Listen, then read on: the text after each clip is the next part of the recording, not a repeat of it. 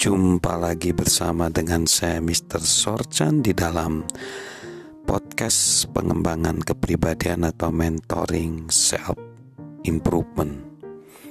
Bagaimana menempatkan segala sesuatu secara bersamaan.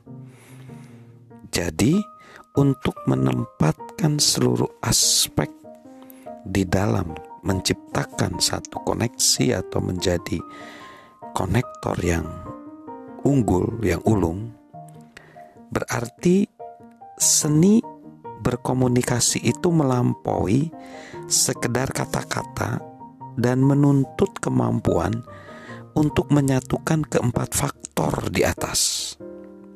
Menggunakan kata-kata yang tepat dengan emosi yang tepat sambil menyampaikan dengan meyakinkan secara intelektual dan membuat kesan visual yang tepat. Dan semua itu perlu dilakukan dengan nada suara yang tepat, ekspresi wajah yang tepat, dan bahasa tubuh yang positif. Jadi, saya ulangi, seni berkomunikasi itu melampaui sekedar kata-kata dan menuntut kemampuan untuk menyatukan keempat faktor, yaitu menggunakan kata-kata yang tepat dengan emosi yang tepat sambil menyampaikan dengan meyakinkan secara intelektual dan membuat kesan visual yang tepat. Dan semua itu perlu dilakukan dengan nada suara yang tepat, ekspresi wajah yang tepat, dan bahasa tubuh yang positif.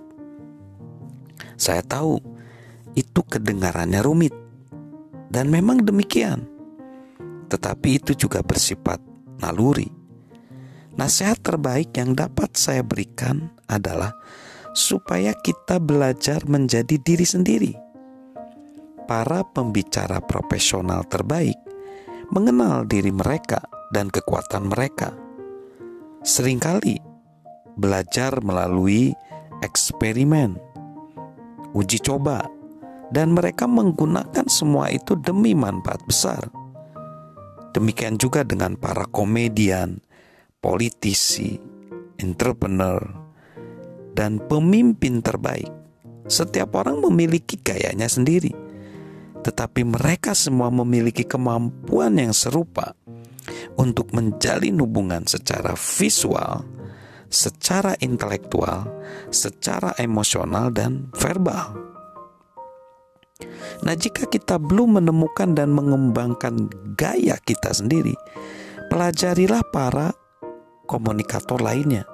Buatlah eksperimen uji coba saat berbicara dengan orang lain.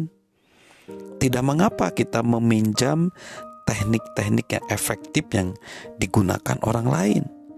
Gunakanlah teknik itu sesuai dengan gaya kita. Jadi, pesan kita harus dari diri kita. Demikian pula dengan gaya kita.